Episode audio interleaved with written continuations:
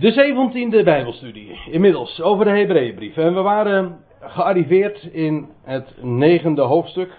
Dat was trouwens al twee avonden het geval. Maar het negende hoofdstuk is ook, ook want de Hebreeënbrief heeft meer van zulke hoofdstukken, een lang hoofdstuk. Een hoofdstuk waar veel ter sprake gebracht wordt, maar het gaat allemaal over, met name dan dat eerste gedeelte. De eerste tien versen over, de, over het heiligdom en alle attributen die zich daar bevonden. En dan vanaf het elfde vers gaat het over de hoge priester, zo staat het ook in vers 11, van de toekomende goederen. Dat wil zeggen van de toekomende goede dingen. En we waren aangeland in het veertiende vers. Maar misschien is het goed om nog even kort in herinnering te roepen wat we de vorige keer hebben gezien. En ik zal het even in een twee of drietal punten samenvatten. De tabernakel, dat moet duidelijk zijn zo langzamerhand toch wel, uh, is een type van de toekomstige, toekomende goede dingen. En als ik zeg de toekomende goederen, dan doel ik niet zozeer op het feit dat het van, vanaf vandaag toekomstig zou zijn, maar toen de tabernakel uh, in gereedheid gebracht werd en toen de tabernakel functioneerde, wel, toen sprak het van in die dagen toekomende goede dingen. Want het, is, het woord goederen dat uh, heeft betrekking op goede dingen. Uh, een ander aspect waar we nogal wat uitgebreid bij stilgestaan hebben, omdat dat nu eenmaal aan de orde kwam in deze, in deze versen. Dat is dat de bepalingen die in het oude verbond gegeven waren voor het vlees, want zo was het, het waren allemaal lichamelijke bepalingen, dingen die een mens kon volvoeren, en die hadden allemaal te maken met het vlees. Het ging over spijzen, eten, dranken, over wassingen, dopen, en we hebben daar wat uh, uitgebreider ook bij stilgestaan. Wel, dat waren allemaal bepalingen, zo lezen we ook, die opgelegd waren. En als ik het zo zeg, dan is dat vrijwel letterlijk geciteerd uit vers 10 ook. Tot de tijd van het herstel. En dat de tijd van het herstel, dat is de tijd van het vernieuwde, het nieuwe verbond. Nou, dat is een term die in deze hoofdstukken, vooral vanaf hoofdstuk 8, een hele grote rol spelen de tabernakel zelf vond plaats. En die hele bediening en alles wat daarmee verband houdt, uiteraard met het oude verbond. Maar het spreekt van dat wat zou komen, het nieuwe verbond. En vervolgens, uh, dat, en dat was uh, het laatste eigenlijk ongeveer wat we hebben bezien. Dat is dat de offerdienst in al zijn details verwijst naar het, dat kan niet missen, het grote offer. En het is met opzet uiteraard dat ik dat met een hoofdletter heb geschreven. En dat offer dat spreekt, en dat is toch wel een, uh, een iets wat speciale aandacht vraagt, omdat dat een heel onbekend gegeven is. Het offer dat spreekt van de verrijzenis van hem die uh, daarvoor, drie dagen eerder, was geslacht. En ik vind dat buitengewoon belangrijk, want meestal of om niet te zeggen vrijwel altijd, wordt er, uh, wordt er altijd gedacht bij het offer aan Golgotha. En dat is niet waar. Het Golgotha spreekt van de slachting. Het offer spreekt van wat na de slachting plaatsvond. Namelijk als het opsteeg tot een liefelijke reuk voor God. Dat was een verwijzing naar, naar de hof van Arimathea. Dat de Heer Jezus Christus, de Messias, de levensvorst bleek bleek en alles wat daarmee verwant houdt. Wel, dat is het grote offer. Dat zal ongetwijfeld uh, deze avonden nog wel vaker uh, naar voren gebracht worden. Want ja, als je het hebt over het offer en in deze hoofdstukken speelt dat nu eenmaal een grote rol. Uh, dan, dan zul je iedere keer weer bevestigd worden in die betekenis. Het laatste vers wat we hebben gezien, en misschien is het goed om dat nog even één keer te lezen. Hoeveel te meer, en nou gaat het over de tegenstelling dus van de offers en vooral eh, de offer van die rode vaars. Trouwens, aankomende zondag heb ik mij voorgenomen om in Soetermeer eh, te gaan spreken. Ik had de vorige keer al eh, zoiets even aangegeven dat ik er dolgraag een keertje over, wat uitgebreider over wilde spreken. Maar ik heb me inderdaad voorgenomen om aankomende zondag in Soetermeer nummer 19 te gaan bespreken. Over de rode vaars. En dat is een prachtig onderwerp. Maar dat ga ik nu dus niet nog eens een keertje uh, doen. Ik bedoel, nog eens een keertje net als vorige keer. En ik ga ook geen aanloopje nemen naar de aankomende zondag. Maar wel even dit nog lezen. Hoeveel te meer zal het bloed van Christus, de Mashiach, degene die opgestaan is uit de doden, die door de eeuwige, de Ionische geest, geest heeft te maken ook weer met leven, zichzelf als een smetteloos offer, heeft ook te maken met leven, aan God gebracht heeft, ons bewustzijn reinigen eh, van dode werken. Hij reinigt van dode werken en dat betekent dus dat het zelf spreekt, dat offer van leven. Om de levende God te dienen. Zodat als je even zo'n vers, al die zinsdelen langs loopt, dan zie je inderdaad iedere keer weer die verwijzing naar de opstanding, naar het leven. Wel, en dat bewustzijn van leven, wel, dat reinigt van dode werken. Overigens, en dat heb ik de vorige keer niet gezegd, die dode werken, dat, eh, dat spreekt niet van, ja, elders lezen we over boze werken, maar daar gaat het hier niet over. Het gaat hier over dode werken. Dat zijn al die rituelen onder het oude verbond, die in zichzelf geen nut hadden. Dat waren werken die dus in zichzelf ook dood waren. Trouwens, eh, als we het hebben over die hele offerdienst, was dat eigenlijk ook. Eh, werd gekenmerkt door het doden van dieren, het laten vloeien van bloed, etc. Dat was uh, een, een, een, in alle opzichten een, een bezigheid waar, waar alles te maken had met bloed en met dood.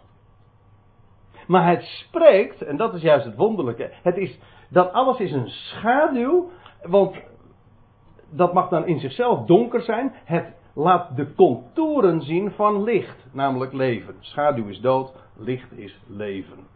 Wel, uh, ons bewustzijn, uh, of meer specifiek, hier wordt dat gezegd tegen die Hebreeën die, die vertrouwd waren met de tempel en de offerdienst. Wel, dat bewustzijn dat eh, is gereinigd van dode werken, dat is niet meer doods. Wij, wij, wij dienen de levende God en alles wat wij kennen, dat is gekenmerkt door leven. Door leven met allemaal hoofdletters dat gekenmerkt wordt door, door het feit dat het de dood achter zich heeft. En we dienen de levende God, ons bewustzijn is gereinigd van dode werken. Wij leven. Wij hebben leven ontvangen in weliswaar een sterfelijk lichaam nog, maar wij leven. En dat is ons bewustzijn. Ons, eigenlijk staat er trouwens, ja, het woord geweten. Ik geloof dat ik de vorige keer daar ook al even wat over verteld heb. Nou, dat was ongeveer het laatste waar we het de vorige keer over hebben gehad. En dat betekent dat we nu de draad op kunnen pakken bij vers 15. Daar staat, en daarom is hij de middelaar van een nieuw verbond. Dat daarom, dat slaat er dus op, op het feit dat hij nu daar in het hemelsheiligdom is. En hij is de middelaar van een nieuw verbond trouwens, dat zagen we al eerder in hoofdstuk 8, vers 6. Laat ik dat vers dan even nog voorlezen, want wat zagen we daar? Een hoofdstuk eerder dus.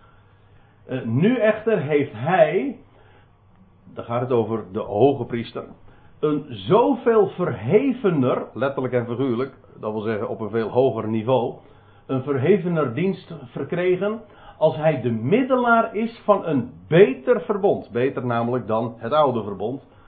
Waarvan de rechtskracht ook berust op betere beloften.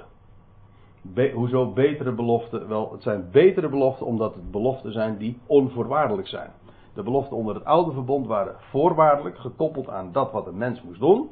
De, het nieuwe verbond is berust op betere beloften, omdat die beloften allemaal verankerd zijn in dat wat God zegt te zullen doen. Dat is veel beter, want dat kan namelijk nooit stuk gaan. Zodra een belofte, de vervulling van een belofte afhankelijk gemaakt wordt van dat wat een mens moet doen of niet doen, nou dan weet je het wel. We zullen dat trouwens eh, straks ook nog wel zien. Goed, hij is dus de middelaar van een nieuw verbond. Een, een verbond dat ook niet teniet zal gaan gedaan zal kunnen worden. Het is een, een blijvend verbond. Zo, je leest trouwens in Hebreeën 13 ook, het wordt genoemd een eeuwig verbond, een ionisch verbond. Het trotseert de ionen.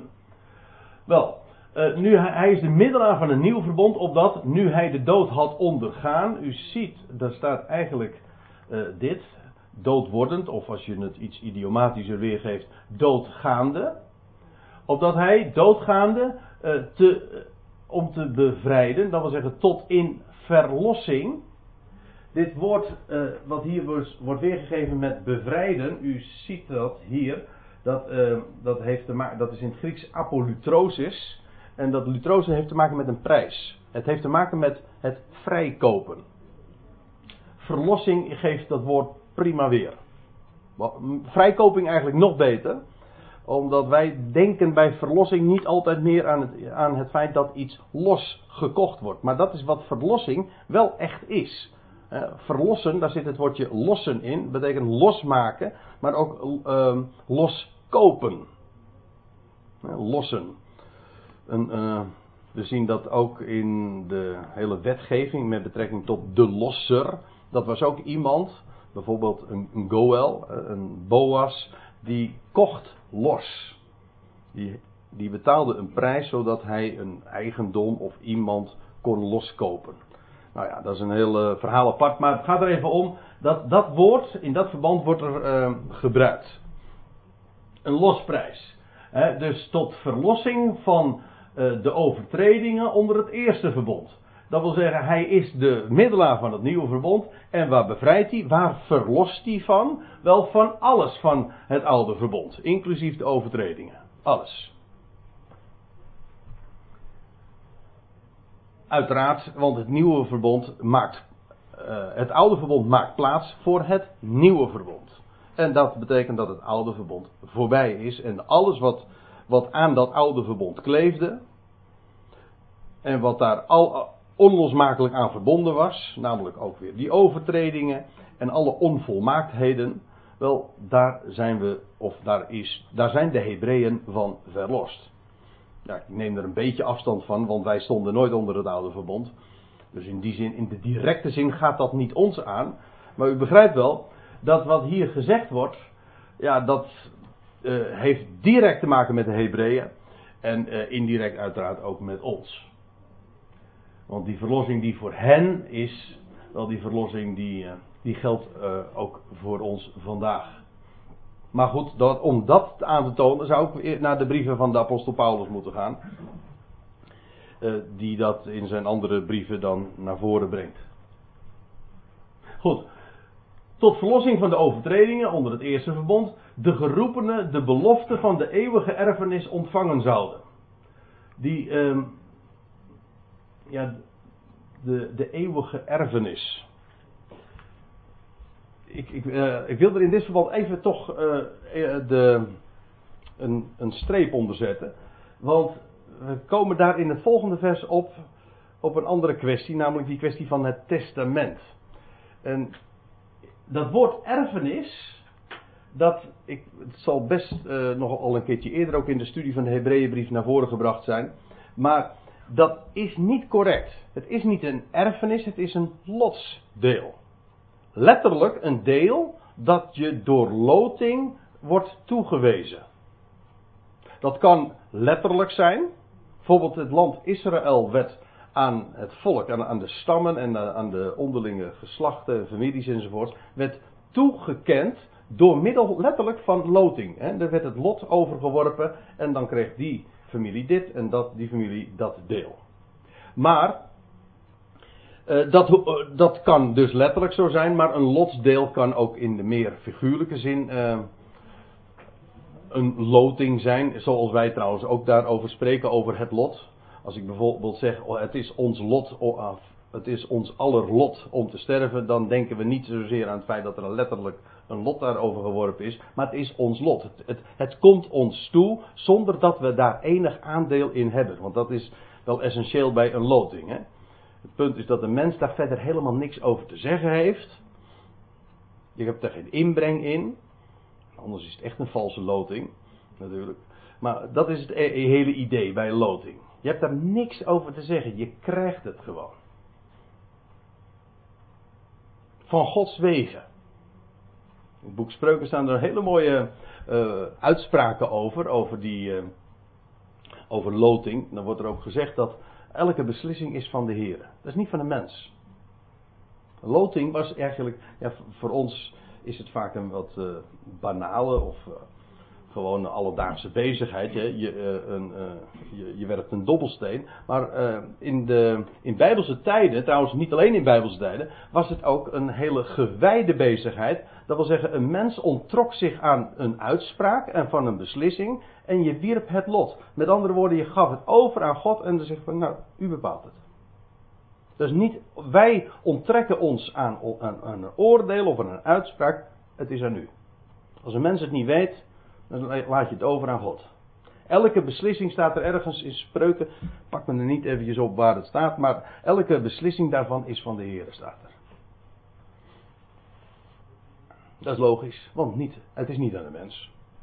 Maar waarom zeg ik dat nu even? Wel, er wordt hier gesproken over een, een lotsdeel. Een erf, als u dus in de Bijbel leest over een, een erfenis, dan staat er eigenlijk een lotsdeel. Een erfgenaam is eigenlijk ook geen erfnaam, maar is een lotshebber. Ik zal u een voorbeeld geven. De, van, de erf, van de verloren zoon. Die zegt dan ook: geef mij mijn lotsdeel. Normaal gesproken zou hij dat dan krijgen bij het overlijden van zijn vader. Maar hij geeft mij, geef mij het deel dat mij toekomt. Gewoon, dat, dat is dus het idee. En er, eh, in, verband met die, in, de, in verband met dat nieuwe verbond is daar een, een Ionisch lotsdeel. Dat wil zeggen, ook voor Israël krijgt een geweldig deel uh, straks in het uh, beloofde land en uh, in het koninkrijk. Wel, en alle geroepenen, degenen die daartoe bestemd zijn, voor wie het het lot is, om zo te zeggen, die zullen in die belofte delen. En dan gaan we als, we, als ik dat gezegd heb over dat lotsdeel, gaan we naar dat 16e vers. En dan moet er eens even iets, een wat hardere noot gekraakt worden. Want dan zullen we zien dat de vertaling niet correct is.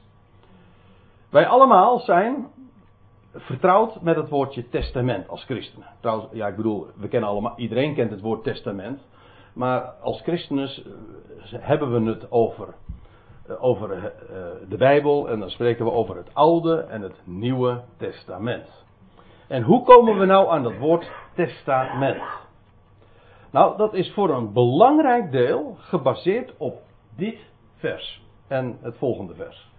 Hebreeën 9, vers 16 en 17. Maar ik zal u er meteen bij zeggen: het is een groot misverstand.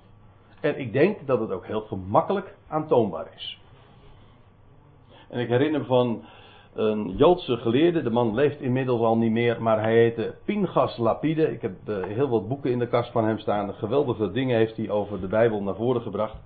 Maar die zei, uh, wat spottend, hij zegt: Ik geloof niet in testamenten, in Oud Testament, Nieuwe Testament, want God, onze God sterft niet. Ja, en eigenlijk vind ik dat nog de meest simpele uh, reactie en het meest duidelijke antwoord op die hele kwestie van die testamenten. Dat is ook zo. God sterft niet. Hoezo heeft, uh, moet God een testament beschikken? Hoezo?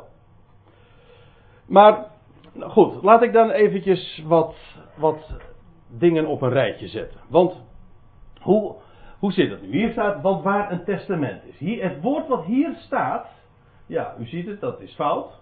Want het is gewoon het woord verbond. Ek, hier, we zagen trouwens in het voorgaande vers. Um, ja, als, toen, als hier staat, en daarom is hij de middelaar van een nieuw verbond. Staat exact hetzelfde woord. Als wat hier dan, in het volgende vers, vers 16 dus, wordt vertaald met testament. Dat is vreemd. Want een verbond en een testament zijn toch echt twee behoorlijk verschillende dingen. Een verbond dat is een contract. Een afspraak die gemaakt wordt, op schrift gesteld wordt eventueel. Eh, tussen, sorry? Die gaat tot de dood. Ja, feitelijk, die gaat tot de dood. En ja, ook dat, had ik niet eens aan gedacht. Maar ik zat er namelijk eerst aan te denken. Een verbond gaat tussen twee partijen. Hè? Twee partijen sluiten een verbond.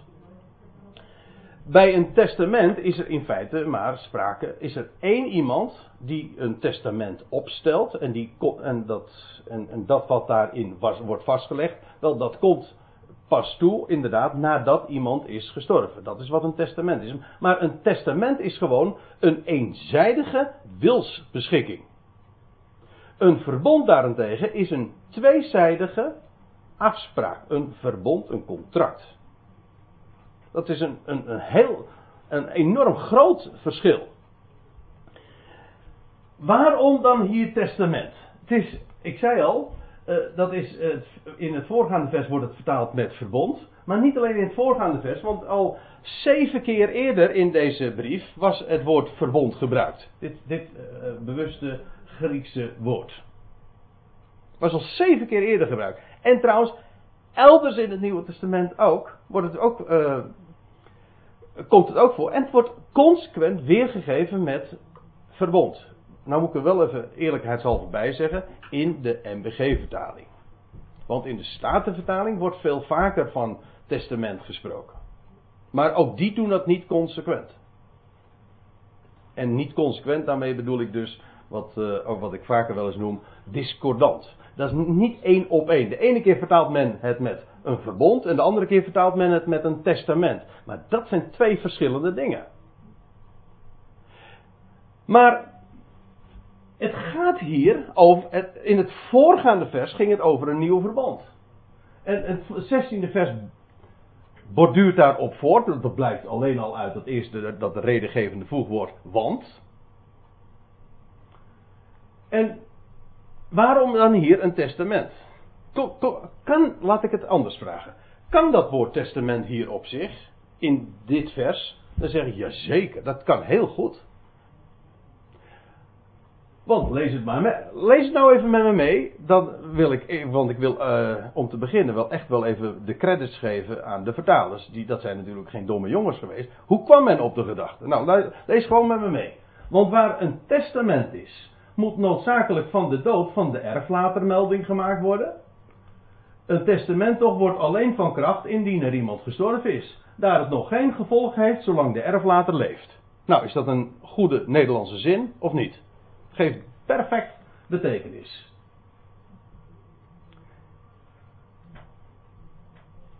En waarom is het dan niet waar? En waarom klopt het dan toch niet? Omdat er geen sprake is van een testament, maar van een verbond.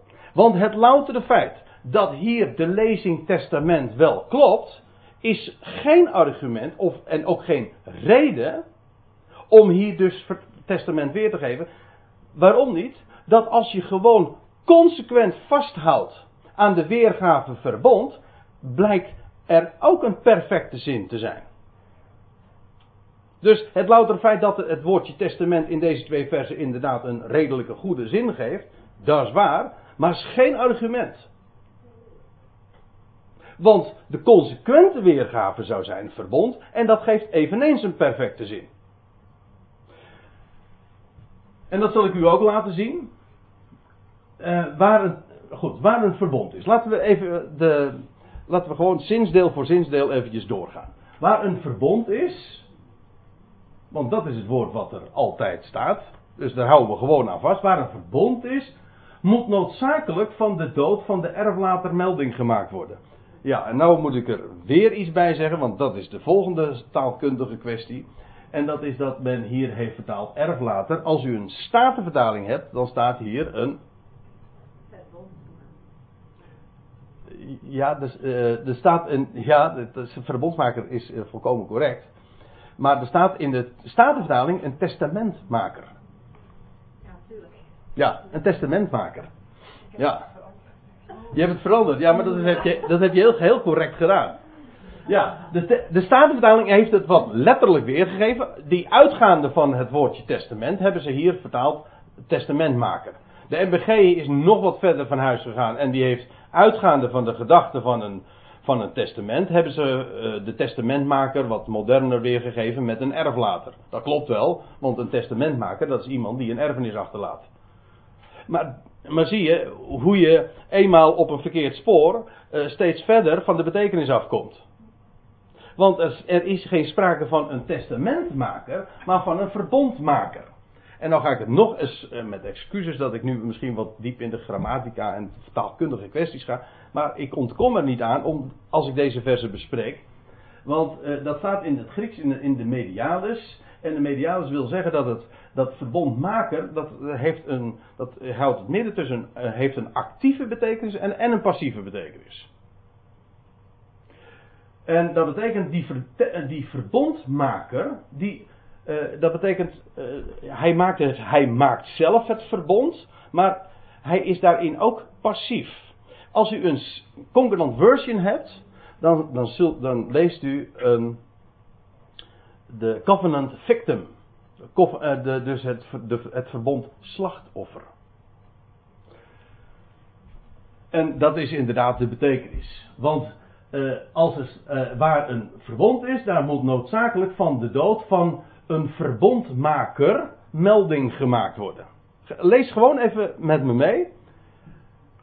En dan staat er: een verbond toch wordt alleen van kracht indien er iemand gestorven is. Daar het nog geen gevolg heeft zolang de verbondmaker leeft. Wat hier staat is dat een verbond alleen maar gemaakt kan worden wanneer er sprake is ook van het sterven van iemand. Een verbondmaker. Waarin het verbond gemaakt wordt, bekrachtigd wordt, body krijgt of ingewijd wordt, of hoe je het ook maar zeggen wil. Ga het maar na in de Bijbel. Als dat zie je al uh, als God het verbond sluit met Noach. In de dagen na de zondvloed. Dan lees je dat God, uh, als, uh, als Noach dan een altaar bouwt voor de Heer. En dan lees je dat hij daar slachtoffers op offerde. En daar, bij dat altaar, daar lees je dat God een verbond sluit met Noach en zijn nageslacht. Dat wil zeggen met de hele aarde. En als teken geeft de regenboog in de wolken. Nou, dat was dat verbond, het verbond van Noach, vond plaats bij een altaar, bij een, de dood van een dier. Later lees je, eh, pakweg 400, 500 jaar later, in de dagen van Abraham, dat God een verbond sluit met Abraham. Lees je ook weer dat er dieren geslacht worden, op een hele merkwaardige manier. Dat, kent u die geschiedenis dat die, dat die verbondsdieren uit elkaar gesneden worden? Of en dat dan de Heer zelf er doorheen gaat. Ja, het is een hele wonderlijke, maar ook prachtige geschiedenis. Daar ga ik aan voorbij. Het gaat mij nu alleen maar om het gegeven dat daar sprake is van een, uh, een dier dat geslacht wordt waarin het verbond gemaakt wordt. Die verbondmaker, dat is niet de verbondspartner. Niet de Heer moet eerst sterven of zo.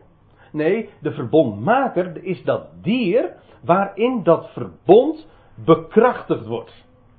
En die moet sterven en dat is de inwijding en de bekrachtiging van dat verbond. Later lees je het nog weer en daar komen we nu dan op, want als God dan later met, het, met, het, uh, met Israël een verbond sluit bij de berg Sinaï, vindt weer exact hetzelfde plaats. En daarover heeft de schrijver van de Hebreeënbrief het.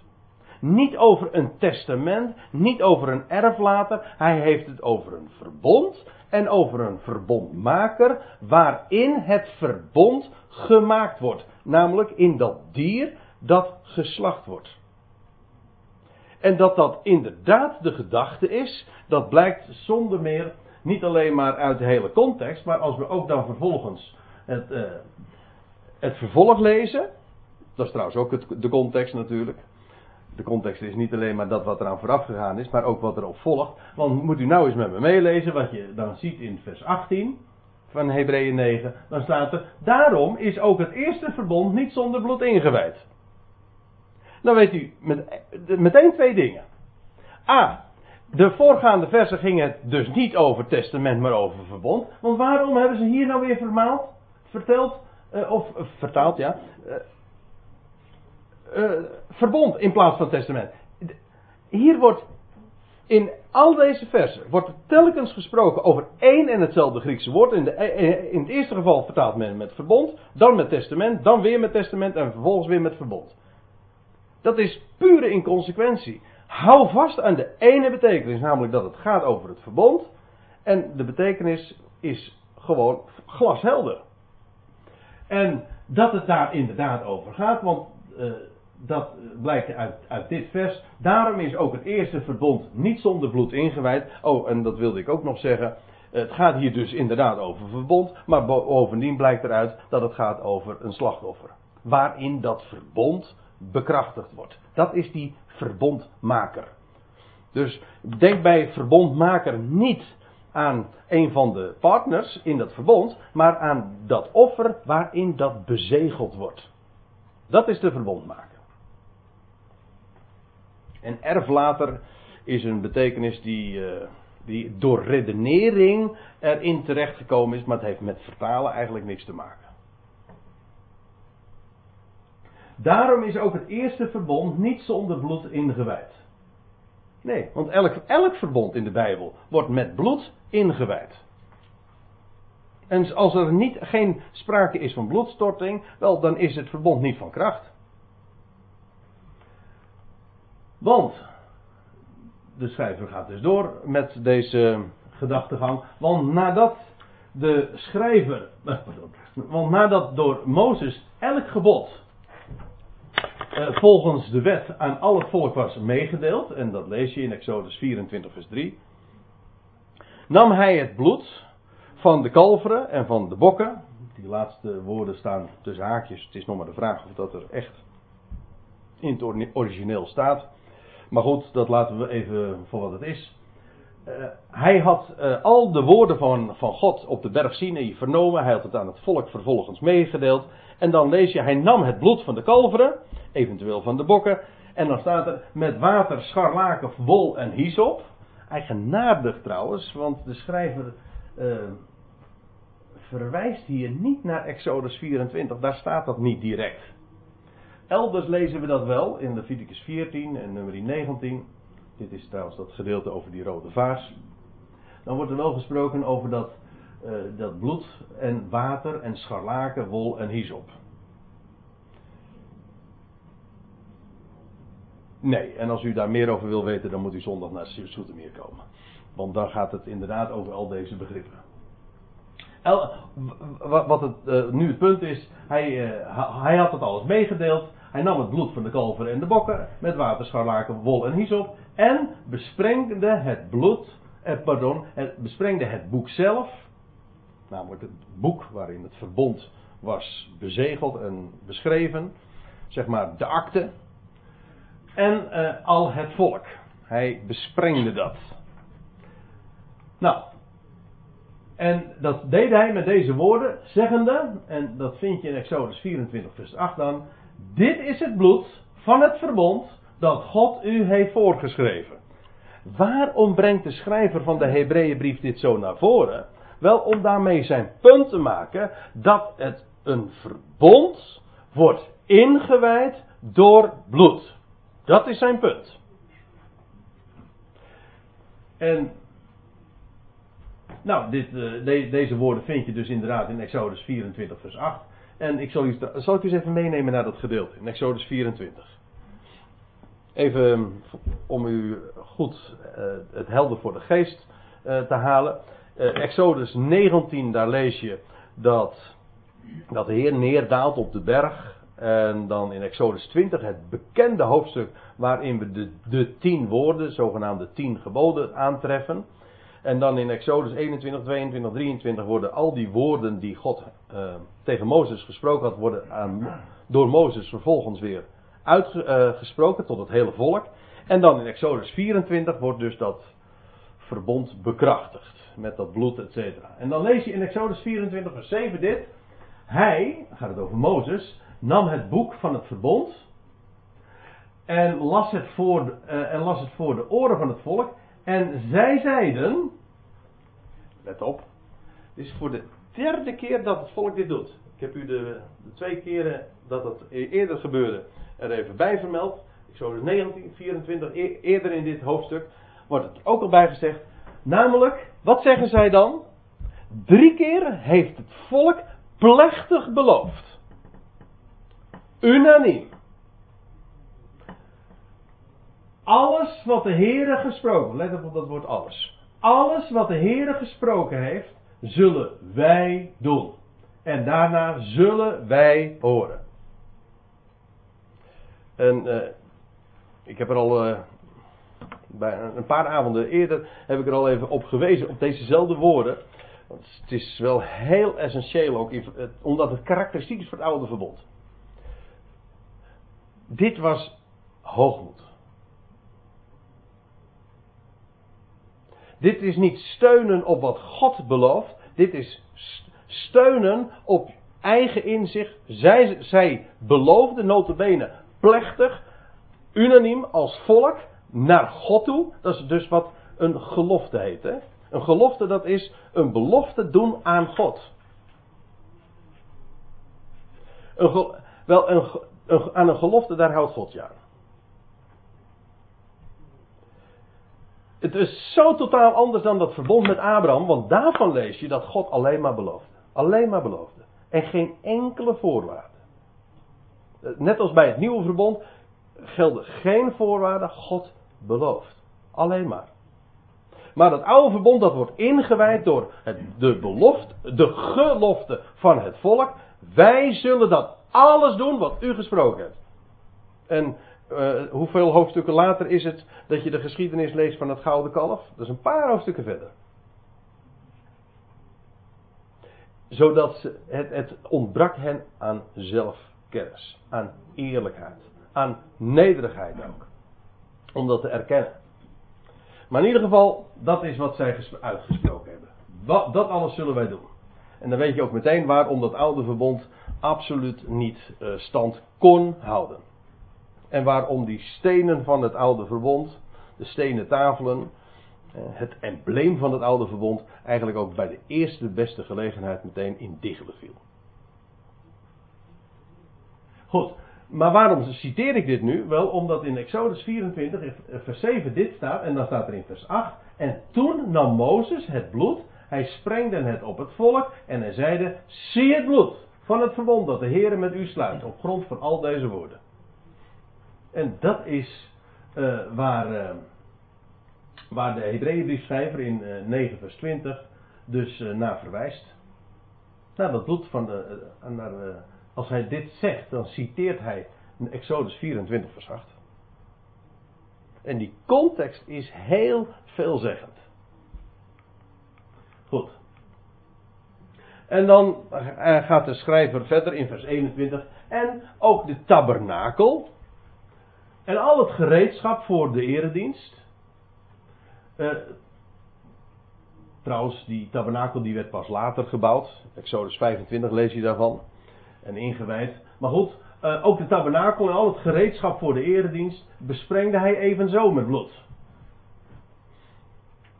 Ik uh, wil niet al te diep op dit soort details ingaan, maar ik zal je dit vertellen. Je leest inderdaad dat ter gelegenheid van de grote verzoendag, Yom Kippur, waarvan je in, uh, leest in Leviticus 16, daar lees je inderdaad dat door Mozes woord, uh, de hoge priester, inderdaad al het, uh, de, hele, de, de, tabernakel en het, en het gereedschap, alle, in, alle attributen die verband hielden met de dienst, besprengd werden met bloed. Dat staat er allemaal. En wel, de schrijver verwijst daarnaar ging allemaal met bloed. Zo werd het oude verbond in, in, in, ingewijd. Zo werd het hele oude verbond daardoor gekenmerkt. Alles. Al het gereedschap, de personages, die werden ook besprengd met bloed. Ieder die een dienst vervulde. Het bloed speelde zo'n enorme grote rol. En dan staat er in vers 22. En nagenoeg alles. Er staat nagenoeg alles, want er zijn inderdaad uitzonderingen bijvoorbeeld uh, reinigingen, verontreinigingen, lichamelijke verontreinigingen, uh, waarvan je leest in Leviticus 15, die uh, daar bij zulke, in zulke gevallen, dan vond er geen bloedstorting plaats. Dus vandaar ook dat de schrijver zegt, een, een slag om de arm houdt. Er zijn uitzonderingen, maar nagenoeg alles wordt volgens de wet met bloed gereinigd. En nou ja, ik zou zeggen, het is niet moeilijk om inderdaad dat bevestigd te vinden. Dat is gewoon zo. En staat er dan nog bij, en zonder bloedstorting geschiet er geen vergeving. En die woorden kent u ongetwijfeld. Zonder bloedstorting geschiet er geen vergeving. Uh, ik moet er trouwens nog even, voor, voordat ik er iets dieper op inga, nog even dit van zeggen. Dat woord bloedstorting hier, dat komt maar één keer voor in het Nieuwe Testament. En letterlijk betekent dat, als je het uh, heel, in zijn elementen ontleedt, dan staat er bloed uitgieten. En in de Septuagint is dit het, uh, het specifieke woord dat gebruikt wordt in verband met als, er, als iets dus begoten werd, besprengd werd met bloed. Nou, dat is dit woord. Het, is, het, gaat dus niet over de slachting. Die bloed, uh, bloedstorting is dus niet de slachting, maar is wanneer dat bloed opgevangen werd en vervolgens werd uitgegoten op de diverse dingen of personen of de tabernakel of wat dan ook. Dat is dus die bloedstorting. Dus eigenlijk de bloeduitgieting, dat is het idee. En zonder bloeduitgieting uh, geschiet er geen vergeving. Ja. Nou, hier is nogal wat om te doen geweest hoor. Dit begrip. En als je een klein beetje op de hoogte bent van de, van de theologie, vooral de christelijke theologie, dan is dit vers bij uitstek altijd het bewijsvers geweest waarop men een hele uh, waarop men een hele dogmatiek heeft gebaseerd. En, en, die, kwam ongeveer, die kwam hierop neer. En dat is deze. En dat is een, echt een afschuwelijke leer. Als je er goed over nadenkt. Namelijk, dat is deze. God kan alleen maar vergeven als hij eerst bloed ziet. Eigenlijk een, een, feitelijk een heel bloeddorstig idee. God kan vergeven, maar dan moet hij eerst iemand zien sterven. Anders kan hij niet vergeven. Je hebt uh, grote namen. Ik, misschien zegt de naam Anselmus u iets. Maar dat was ergens in de middeleeuwen, in de, in de 11, 1200 geloof ik. Een, een groot theoloog. En die heeft, een, uh, die heeft het hele, de hele verzoeningstheologie uh, gecentreerd op dat gegeven. God moest genoegdoening ontvangen God was gekrenkt en die moest genoegdoening krijgen. Hij moest eerst iets zien alvorens hij kon gaan vergeven. En als, en als kapstok is altijd Hebreeën 9 vers 22 daarvoor gebruikt. God kan alleen maar vergeven als hij eerst bloed ziet. En dat is een, een, vreselijke karikatuur. Die natuurlijk wel een element van bijbelse waarheid heeft. Het is niet uit de, de lucht gereden, maar in zijn totaliteit is het echt een karikatuur. Waarom? Nou, dat lijkt me duidelijk. Die bloedstorting, of uh, dat God vergeeft, is niet omdat hij eerst bloed ziet. Het hele idee dat want daar, daar heeft het dan ook nog mee te maken. Dat is dat Jezus moest sterven. En dat, dat het sterven van Jezus. Uh, dat God zijn toren uitstortte op zijn zoon. En dat hij daarmee zijn zijn toren bevredigde. Dat, ja, sorry, dat, ik het, dat zijn echt de, de aannames, de, de, de, theorieën, de theologieën, de dogmatiek die men eraan gekoppeld heeft. God heeft zijn toren uitgestort op zijn zoon. En zo heeft hij zijn woede bekoeld. Dit zijn termen die zelfs Calvijn heeft gebruikt. En zo is hij bevredigd in zijn recht gezet. En nu, nu hij zijn toren allemaal ge, gebotvierd heeft op zijn zoon. Eh, dat is, daarmee is het kruis van Golgotha, dat is wat men ervan zegt. Ik heb vaak ook die beeldspraak gelezen, dat men zegt, ja, het kruis van Golgotha is een bliksemafleider. God heeft zijn toren daar op zijn zoon uitgezonden en zo komen wij, kom, komt de mensheid die het had moeten treffen vrij uit. Dat is de voorstelling die men heeft van Golgotha. En nu hij zijn toren heeft uitgegoten over zijn zoon, kan hij de mens vergeven. Is dat vergeving? Vergeven betekent dat je iemand iets niet toerekent. Maar heeft God daarmee de zon. Stel je voor, laten we even meegaan in die gedachte. Dat het zo zou, zou, zo zou zijn. God rekent een, de wereld, laten we het zo even in het algemeen zeggen, van alles toe. En een ander betaalt als het ware de prijs daarvoor. Aan God. Is dat, is dat vergeving? Dat is helemaal geen vergeving. Want God, in dat geval, hij, heeft hij wel degelijk de prijs gevraagd. Alleen een ander heeft de prijs betaald. Kijk, stel je voor, u bent mij iets schuldig. En een ander betaalt voor u. Heb ik u dan vergeven? Nee, ik heb dan gewoon mijn geld gekregen. Dus er, er, hoeft dan helemaal niks vergeven te worden. Dat is het hele idee. En in feite, dat, die dogmatiek die men eraan gekoppeld heeft, dat is in feite een, het, het niet doen van genade. Want God bewijst helemaal geen genade. God heeft, God, God heeft zijn toorn gebotvierd en daarmee is hij, zou hij zijn bevredigd. Maar het, het is zo, terwijl, ik over spreek, krijg ik alleen maar meer kriebels over het idee. En niet alleen kriebels, maar het is zo'n afschuwelijke karikatuur. Kijk, wat Golgotha was, dat was niet een, een, een, de toren van God die daar over zijn zoon ging. Leest u ergens in de Bijbel dat Gods toren over de zoon kwam op Golgotha? Ik heb het in de Bijbel nog nooit gelezen. Wat er op Golgotha gebeurde, was niet een God die recht deed aan zijn zoon. Maar wat er gebeurde op Golgotha was een wereld die onrecht deed aan Gods zoon. Namelijk, het beste wat God had, hebben zij aan het kruis genageld. Dat is Golgotha. Niet een God die zijn recht haalt, maar een wereld die het grootste onrecht begaat. En God liet het geworden. God heeft niet ingegrepen. God kreeg daar niet betaald.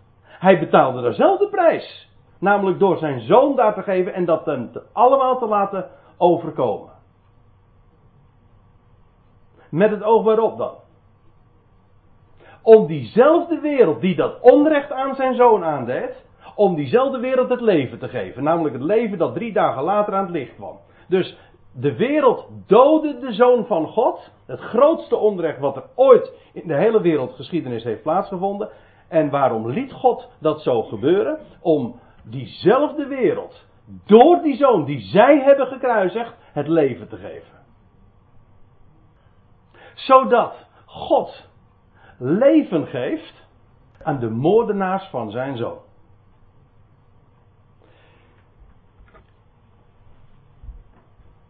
Als ik het zo zeg, uh, moet ik uh, meteen ook denken aan een andere aan een uh, prachtige Bijbelse geschiedenis van, van Jozef.